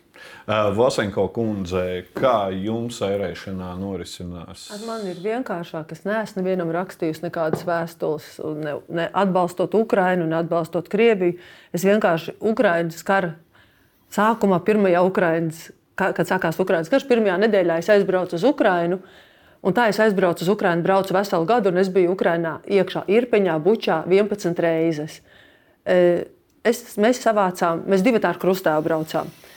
Mēs izvedām ļoti daudz cilvēku. Mēs vedām zāles cilvēkiem, kuriem vajag transplantēt orgānus, kuriem nepieciešams. Mēs savācām vairāk kā 100 tūkstoši eiro. Mums sūtīja Amerikas eh, keneli, mums sūtīja no visas pasaules cilvēku sūtīja naudu un atbalstīja to. Mēs ne, mums nebija reklāma, nebija vēstules, laikam vajadzēja vēstules. Nu, jā. un mums bija Airēšanas federācijas, eh, Airēšanas federāciju Eiropas kongress Kopenhāgenā. Mēs visi iz- izteicām savu viedokli, kā, kā mēs to visu redzam. Mans viedoklis ir ļoti nepopulārs. Es teicu, ka e, ne, katrs, neviens sportists nevar atbildēt par savu valsts prezidentu, nevar atbildēt par politiku. Ne, visi cilvēki pie tā, ka es esmu ļoti dziļi Ukraiņas karā, pie tā, ka tas ir man Vlasenko, kā mēs saprotam, gumta, e, pie tā, ka man ģimenes e, iepriekšā, nu, man vīra ģimene dzīvo Kijevā, pie tā, ka man ļoti daudz draugu tur dzīvo. Nu, tā ir ļoti privāti. Bet nav vēstules un nav karodziņš. Tūlīt, pagaidiet. Es bučā biju un ir peņā. Un, jā, tā, tūlīt man kaķis pat ir no turienes. Uh, tā. Un pie visa tā, kad es esmu redzējis visu to no iekšas, pie tā, ka es esmu bijusi, tā, kad lidotās bumbas, bet pie visa tā es saprotu, ka neviens sportists Ne katrs sportists var atbildēt par savas valsts politiķiem. Ne katrs sportists un cilvēks var aizbēgt no savas valsts. Jo sportista mūžs ir tik ļoti īss.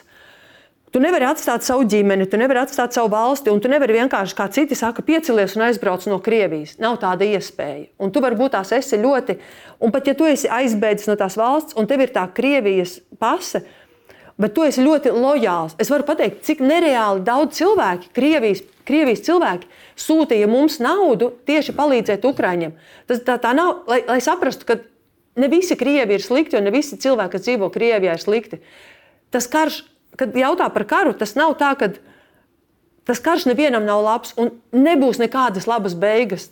Ar to, ka Ukrāņi uzvarēs, un mēs visi ceram, ka viņi, viņi no, uzvarot, nosargās mūsu valsts brīvību. Bet mēs visi esam zaudētāji. Mēs esam, nu, tas ir priekš manis nereāla traģēdija. Uh, Bet par to, par, par tiem sportistiem. Un pie visa tā, cik dziļi tam esmu, cik dziļi tas skar manu ģimeni un cik dziļi tas ir man svarīgi, es esmu par to, ka sportisti, ja viņš neatbalsta savu politiku, viņš drīkst startēt zem baltā karoga, viņš drīkst piedalīties kaut kādās sacensībās. Bet neskatoties uz to, es vienalga es izteicu savu viedokli. Bet pat cik mana federācija nebija pieņēmusi šo lēmumu, es neparakstīju nevienu papīru, kas to apliecinātu. Es teicu, ka mans kā personīga, kā cilvēka lēmums ir kad es uzskatu, ka katrs sportists ar visu to, ka viņš ir gatavojies, varētu piedalīties sacensībās. Federācijas man sadzirdēja, bet jautājums es teicu, ka jā, kā jums sekojošu. Līdz ar to uh, Latvijas Olimpiskā komiteja ir skaidri un gaiši pateikusi, ka neatbalstīs jebkādā statusā šos agresoru valstu pārstāvju dalību Parīzes Olimpiskajās spēlēs. Olimpiskās spēlēs pastāv, mēs nepiedalāmies. Uh, joprojām pastāv iespēja, ka agresoru valstu pārstāvi dažādu sporta veidu varētu piedalīties teorētiski. Vēl galvā lēmums nav pateikts ne jā, ne nē. Atveru, eh, skat... Un tāpēc ir jautājums, mm -hmm. vai jūs kā kandidāti esat gatavi nelaist Latvijas ne. olimpiešus? Ja brauks. tur piedalīsies kaut vai 5, 10, vienalga, ne. cik agresoru pārstāvi. Mēs nedrīkstam laupīt saviem sportistiem Olimpiskās spēles. Jūs uzskatāt, ka jābrauc? Ka Olimpiskās spēles katra sportista dzīvē var būt vienu reizi, var arī nebūt. Jā, ir jābrauc. Jūs uzskats? Es ar mazu atkāpīti par, par, par to izskanējušo attiecībā pret manīm. Pret, es gribētu teikt, ka Paskatīsimies, bija šīs vēsturiski. Mēs bijām vienīgā federācija 14. gadā, kas uzņēma divus ukraiņu sportistus vēl tanīs laikos, kad tur notikās šīs nepatikšanas pirmās. Mēs viņus naturalizējām Latvijas sabiedrībā, un viņš šeit dzīvo kopā ar ģimenēm un mēs viņus atbalstam. Viņš viens no viņiem vēl piedalījās Olimpiskās spēlēs. Mēs ne jau gadu atpakaļ palīdzējām Ukraiņai, mēs jau 14. gadā palīdzējām Ukraiņu pilsoņiem un tiem, kas dzīvoja Harkovā un dzīvoja Deņģiskā, kuri muka no tās agresijas. Jautājums par Olimpiskām spēlēm.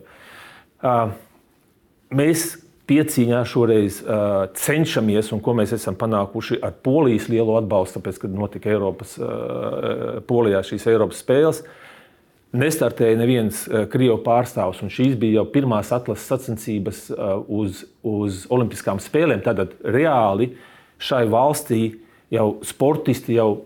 Nu, teiksim, viņi nevarēja piedalīties un nevarēja atlasīties uz Olimpiskām spēlēm.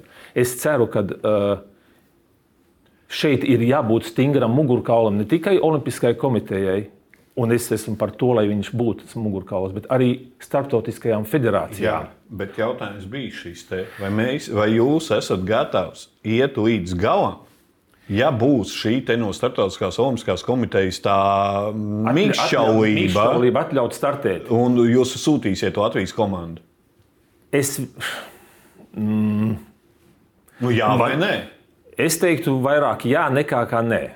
Lēniekungs, šis ir diezgan pretrunā ar pašreizējo Latvijas Olimpiskās komitejas politisko nostādi. Jūs redzat sadarbību kā ģenerālsekretārs ar potenciālajiem prezidenta kandidātiem, ja kāds no viņiem tiek kļūts par prezidentu? Visi trīs kandidāti man ir jautājuši, no vai diviem. es esmu. ja, bet atbildot arī, ir jautājuši, vai es turpināšu darbu. Jā, es turpināšu. Šis, protams, ir uh, ļoti sarežģīts jautājums, jo arī tā mana informācija, kas ir pirmais izdarīts, ir skaidrs zināms, ka uh, komandas nestartēs. Jā. Tas, tas jau ir uh, skaidrs. Protams, šis pieminētais uh, uh, fakts, ka potenciāli kāds varētu, tāds risks pastāv, bet mums, man liekas, ir uh, gads laika lai pie tā strādātu. Uh, uh, nu, bet arī jāsaprot tas, uh, Žorža Tikmera nostāja, kas bija februārī, janvārī, februārī, martā. Bet uh, te būs jauns prezidents. Man, man, zin, un, un, un, un, un, un pabeidzot, vienkārši uh, tas risks, es jau neesmu slēpis arī, esmu uh, teicis žurnālistiem, tas risks ir. Bet mūsu darbs, mūsu darbs kā Olimpiskajai komitejai un katram individuāli, ir saprast to, kas notiks pēc gada. Jo, jo es arī esmu diezgan daudz runājis gan Eiropas ietvarā, gan ar, ar, ar Soku uh, par to, ka uh, Pirmkārt, atšķirās sportisti. Tur es Guntai Jā. varētu pilnībā piekrist. Ne... Skaties, un tie Krievijas sportisti, viņi startē tagad par Kazahiju, par Azerbaidžānu, par Itāliju. Tā, viņi vienalga ir Krievijas sportisti. Nu, tā tad es, mēs nevaram tā, mēs ne, nevaram ne, laupīt ne saviem sportistiem. Uh, un tas darbs ir jāizdara, un to, to mēs arī gan ar ārlietu ministriju uh, Eh, esam bijuši ciešā kontaktā un runājot ar Francijas Olimpisko komiteju. Un, uh, Viņi, protams, mums nekādas garantijas un, uh, un apstiprinājumus nevar dot, bet uh, mūsu darbs ir iz, izdarīt tā, lai pēc būtības pēc tam neviens sportists nevarētu atgriezties, kas notika pēc Pekinas spēlēm. Un uh, dažādos stadionos uzstāties, turēt rokās, un, un tās, tā ir tā pamatbūtība. Jā. Un, un šī gadījumā ir jāturpina darbs, lai pēc būtības uh, agresoru valsts sportisti nepiedalīties spēlēs. Jā. Uh, Feldmaņkungs, jums kā Eiropas piecīņas pārstāvim vēl viens jautājums. Es atvēru uh, starptautiskā minēto Eiropas piecīņas federācijas mājaslapu. Tas ir Jā. jums oficiālā minēta. Un šeit ir ļoti smuka sadaļa, kur ir uh, pamācības, kā likt likmes, sports betting pat atsevišķi un tā tālāk. Tas ir kā mēs tagad mācīsim, kā nodarboties ar, šī, ar azartspēlēm. Šī nav. Tā ir, jū, tā ir, jū, tā ir jūsu Eiropas Federācijas mājaslapa pentatlon.org. Iejam iekšā un apskatāmies, un šī ir tā mājaslapa, kas ir norādīta. Jūs uh, mācīsiet, kā jāizdara likmes un jānodarbojas ar azartspēlēm. Mēs arī Latvijas Olimpiskās komitejas mājaslapā šādu sadaļu sagaidīsim. Būšu atklāts, pirmo reizi tādu redzu. Bet tā ir jūsu federācija. Pentaton EU org. Tā ir jūsu mājaslapā norādītā kā Eiropas Piecīņas federācijas mājaslapa. Jūs nezināt, kas notiek jūsu organizācijā? Nē, nu, tā īsti nav. Mēs, mēs, mēs esam. Nu, es vēl vienreiz parādu, redz, kur ir starptautiskās federācijas uh, sadaļa par Eiropas federāciju. Eiropas federācijas mājaslapa Pentaton EU org. Iejam iekšā. Interesanti. Jā. Nu, bet jūs esat viceprezidents. nu, Nē, nu, man nav ko piebilst. Jūs nezināt, kas ir jūsu organizācijā, un jūs tagad nākat uz Latvijas Olimpisko komiteju? Mūsu, mūsu mājaslapu mēs, kā Eiropas organizācija un arī Startautiskā federācija, šo mājaslapu uztver Startautiskā federācija, nevis Eiropas federācija. Un mums ir līgums ar Startautisko. Bet jūs tādu nekontrolējat. Nu, nu, tik, varbūt tik, tik, tik, tik smalki mēs nekontrolējam. Un apskatāties, nu, kā... jo, nē, nē, es pilnīgi piekrītu. Šis ir ļoti liels akmens manā dārziņā. Tur nav, tur nav komentāru šajā gadījumā. Bet, uh, vēl viens jā. jautājums. Uh, virzoties uz noslēgumu, ir par tīru organizatorisko un pagātnes rēgiem un visu pārējo. Konkrēti runājot par Tikmēra kungu. Tikmēra kunga jautājums izskanēja saistībā ar šiem te nu, radinieku uzņēmumiem, kuri darbojās Olimpiskajos centros. Feldmaņkungs, jūs esat Rīgas Olimpiskā centra, Rīgas Olimpiskā centra valdē. Jā. Ir pārskatīts līgums ar tikmera radiniekiem piedarošo uzņēmumu mēģināšanas. Ēdināšanas uh, uh, līgums beidzās šī gada augustā. Šī uzņēmuma dēļ, uh, ieejot Lursoftā, tur vairs nav neviena radinieka. Tie radinieki vairs tur nav. Un šo līgumu mēs pārskatīsim valdē, tad, kad pienāks termiņš, lai viņi vai turpināsim, vai neturpināsim, vai izsludināsim konkursu uz, uz jaunu teiksim, mēģināšanas pakalpojumu Olimpiskā centrā.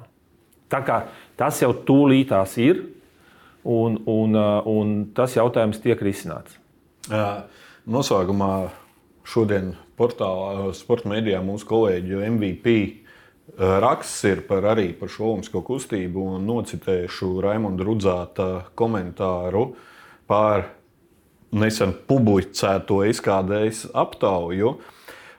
Prezidenta Žorža Tikmera darbu 51,5% respondenti norādījuši, ka viņiem ir grūti atbildēt. 30% attieksme bijusi neitrāla. Uh, Līdz ar to, kā Rudzāta kungs raksta, četras piekdaļas nespēja pateikt, vai zupa viņiem šķita garšīga. Un tad 44,7% nav dzirdējuši par oku skandāliem. Uh, esmu pārliecināts, ka vidējais Latvijas daudz vairāk ir lietas kursā par Maskavas ķīviņiem ap muzeju un pilsētu svētku koncertu ogles pašvaldībā nekā par tādu valsts budžeta stutētu sabiedrisko mega organizāciju kā Latvijas Olimpiskā komiteja. Uh, Piekrītat, ka Jā. kaut kur sabiedrības acīs un arī tātad politikas gaiteņos esam pazaudējuši savu lomu, un tagad mums ir jārāpjas pa pagrabu kaut kādiem vēdodziņiem iekšā, lai tiktu tajā pirmā stāvā vismaz gaitenī. Es nerunāju par nemazam par direktora kabinetiem. Nu, ir labi, ka mēs zinām, uz kuriem mums ir jāiet. Citreiz maldās um, tumšā istabā un meklē eh, melnu kaķu un nevar atrast. Tagad mēs zinām, ja mēs esam pagrabā un kā tikt uz pirmo stāvu. Ja? Un tas pirmais stāvs jau, protams, ir eh, tas, kas ir vajadzīgs pamats visam eh, sportam un sporta arī sabiedrībai. Saprast, kā turpināt un kā uzlabot un, un veidot šo atpazīstamību deviņos Gan? mēnešos vai gadā nav zināms, vēl, kad būs nākamais vēlēšana kongress. Ir iespējams to izdarīt? Var, var ielikt pamatus tam bet deviņos mēnešos aizrāpties līdz direktora kabinetam diez vai. Lasenko kundze. Es netaisos rāpot, es lidošu. Uh, tur jā. lifts nebūs. Jā, droši vien jūs ar liftu arī nebrauksiet. Jā. Es nekad neju ar liftu. Es vienmēr esmu tik sportiski. Jā, es esmu par bet, sportu. Bet, jā, bet jā, domāju, jūs ka... redzat, ka mēs, sporta sabiedrība, jā, es uzskatu arī es, jā. mēs varam, varam ierāpties pa to vēdodziņu un tikt tajos gaiteņos Un varbūt arī domāt par savu sporta ministriju. Jā, mēs, mums tas ir jādara. Tas nav jāizdara astoņos mēnešos, un tas nav jā, jā, jāliek plāns uz astoņiem mēnešiem. Tas jāsāk darīt šodien. Mēs šodien sākam, lai, lai tie cilvēki, kas skatās mūsu diskusijas, lai viņi redzētu, ka nevis mēs tagad kožam viens otram, un, bet ka mēs kopā gribam strādāt. Es visu laiku saku, lūdzu, strādājam ar mēdījiem, izmantojam tos žurnālistus, lai žurnālisti nevis mūs mēģina atrast, kad Airēšanas federācijā nav kaut kāda tur posteņi, bet lai žurnālisti palīdz un saka, ej, nu forši tie mūsu kandidāti ir Palīdzēsim mēs viņiem strādāt, es ticu viņiem. Un, ja mēs te, nevis teiksim, ka tie žurnālisti grib mūs norakt, bet žu, mēs viens otram palīdzēsim, un žurnālisti būs tie, kas pacels arī mūsu prestižu. Nu, jūs taču esat uh, uh, kādas spēks. Kundze, runājām par reputāciju. Feldmaņa kungam uzdeva pāris nērts jautājumus, un viens nērts jautājums jums ir. Jā, lūdzu. jūs sociālajos tīklos gozējaties ar smuku cepurīti. Jā. Pateiksiet kādu? RFS. Jā. Vairākas. Jā, jā. jā. Uh, sakiet, kāda jums ir saikne Man ar ir RFS saikne. un Milo uh, un LMK grupu? Man ir saikne tāda, ka viņi ir tie cilvēki, kas, kas atbalstīja, es palūdzu atbalstīt savu airēšanas federāciju. Viņi man apmaksāja, ziedoja mūsu federācijai Latvijas čempionāta, visu Latvijas, ziemas Latvijas čempionāta.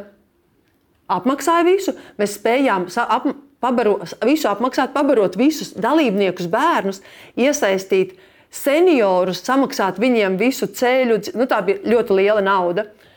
Uh, Man Bet patīk sports. Cieši saikne ar Milošu ģimeni vai LNK grupu vai nav? Nē, nav. Nav nekāda. Ja? Nē. Un tad, jūs, ja jūs kļūsiet par prezidentu, jūs norobežosieties, jo šobrīd jūs baigi reklamējat. Es nereklamēju tā cepura. Es izstāstīšu par to, ir cepura stāsts. Eh, man patīk sports, un man patīk futbols. Mums ir, eh, mums ir kaķi no vienas patvērsmes.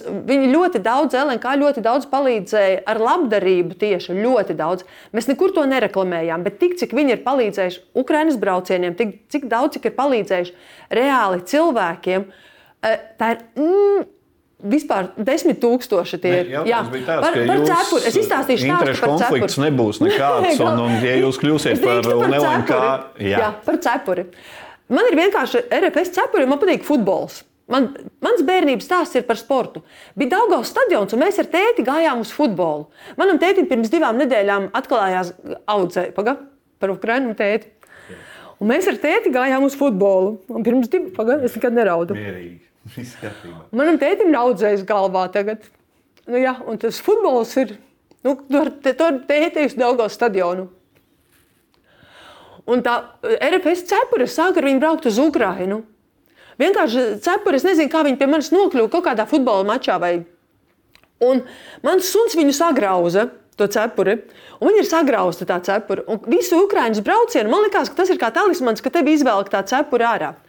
Un tad sākās fórumos rakstīt, cik tā prezidenta izskatās jocīgi sagrauztā cepurē. Un tad ir tā kā pretreakcija, kad es to sagrauzto cepuri visu laiku velku kā pretreakciju. Un tas, tas, no tā sākās. Tas, tas nav par RFS vispār stāsts. Lai gan labs Ok. okay. klubs un Okay. palīdz nereāli daudz cilvēkiem. Tad noslēgumā ir tā sporta olimpiskā komitejas. Nu, Tas par šo varu. jā.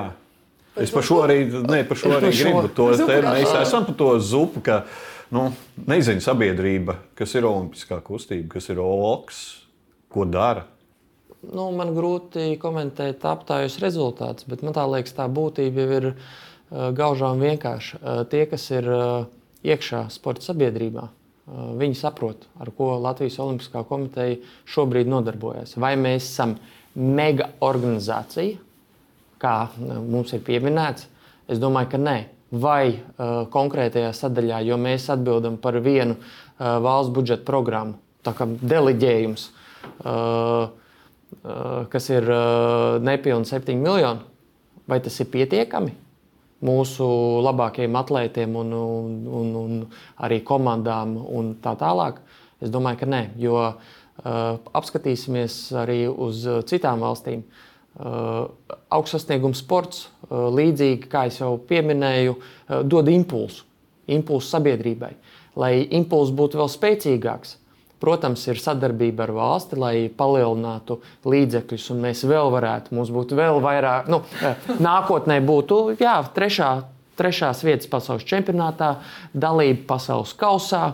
Izlasēm lielajām, kas piesaista lielākas masas, kas iedod to Olimpiskajās spēlēs. eh, Mums ir, eh, nerunāsim uzreiz par medaļām, par sniegumu, par to, par ko mēs varam lepoties. Par emocijām. emocijām jo eh, tas ir tas, ko sniedz uh, sportisti. Jo šī uh, mega organizācija, uh, nu tā nauda jau nav Latvijas Olimpiskajai komitejai. Viņi ir tie mūsu atlētiem. Jā, lai nodrošinātu uh, labsajūtu atlētiem, jā, daļa aiziet Olimpiskajai vienībai. Bet tas, uh, tas ir atkal tāds darba process. Es uzskatu, ka uh, nākotnē, kas ir mūsu kopīgs uzdevums, ir strādāt un strādāt to, lai mēs palielinātu finansējumu. Jā, bet uh, iedot vēl vairāk to impulsu tiem uh, jaunajiem sport, sportot gribētājiem. Jo realitāte jau ir tāda, ja mēs arī skatāmies uh, pirms Covid, Covid laikā. Es teiktu, ka sabiedrības mindsets jau ir pozitīvāks uz to, ka ikdienā ir jākustās. Un ar šo, par ko mēs šobrīd atbildam, augsts sasniegums sports, viņš var tikai veicināt. Veicināt par to, uh, likt domāt vecākiem, uh, ka vecāki kaut ko grib no saviem bērniem. Ne, protams, uh, pārāk daudz, kad uzreiz ir profesionāliem sportistiem jābūt, bet lai viņi nodarbojas ar fiziskām aktivitātēm. Un es varu piekrist. Uh, Andrim par to, ka iespējams jā, nākotnē skolās jābūt piecreiz, piecreiz dienā. Tāpēc ir pieņemsim, tas viens izveidotais projekts, kuram būs, ja nemaldos, šogad desmitā sezonas sportovis klases. Viņi darbojas katru dienu. Tas saliedē komandu, tas, tas klasē labāks noskaņojums. Nu, ir jākustās. Bet impulss Cerēsim, ka izdosies visiem kopīgi arī, ja neievēlēs jūs amatos, eh, turpināt darboties un virzīties un mainīt šo domāšanu, ka vecāki ved ar azartu bērnus un nodarboties ar sportu. līdzdarbojās kopā ar bērniem. Jā. Paldies vēl vienreiz jums par dalību. Un 11. jūlijā redzēsim, vai Loks vispār iegūs savu jauno vadītāju un kurš tas būs. Bet jau nākamgad redzēsim, kādas būs, kad būs nākamās vēlēšanas, jo tas arī vēl nav akmenī kalts. Kad būs pirms Parīzes Olimpiskām spēlēm vai pēc Parīzes Olimpiskām spēlēm jaunās vēlēšanas, un tad redzēsim, vai būs vēl kapteiņi, kur vēlēsies stūrēt šo olimpisko kuģi. Šis bija raidījuma aizmugure speciāla izlaidums par olimpiskās kustības nākotni. Delfi TV studijā sporta diskusija raidījums aizmugure atgriezīsies augustā. Mans vārds ir Ulrichs Strautmans. Baudām svētkus un vasaru!